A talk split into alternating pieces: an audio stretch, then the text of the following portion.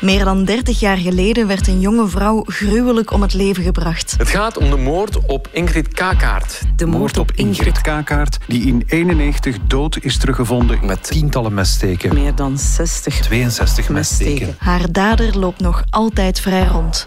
De politie heeft vijf nieuwe tips binnengekregen over de moord op de jonge vrouw Ingrid Kakaert. Zonder resultaat. Wel is er een bloedspoor vastgesteld dat via de trappenhal naar beneden loopt. DNA dus. Maar dat heeft na 30 jaar nog niks opgeleverd. Maar daar kan vandaag wel eens verandering in komen. Dat is een gevaarlijke uitspraak dat ik ga doen, maar ik ben er eigenlijk zeker van dat we die zaak kunnen oplossen. De wetenschap gaat verder dan ooit, maar volgt de politiek. Dat kan ik niet beloven. Ik ben geen speurder, ik ben minister van Justitie.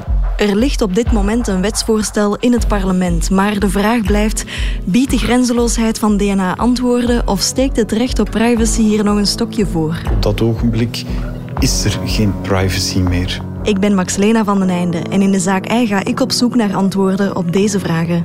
Luister nu naar de zaak Ei. En we houden er ook altijd rekening mee dat de persoon die we zoeken ook luistert. Hè?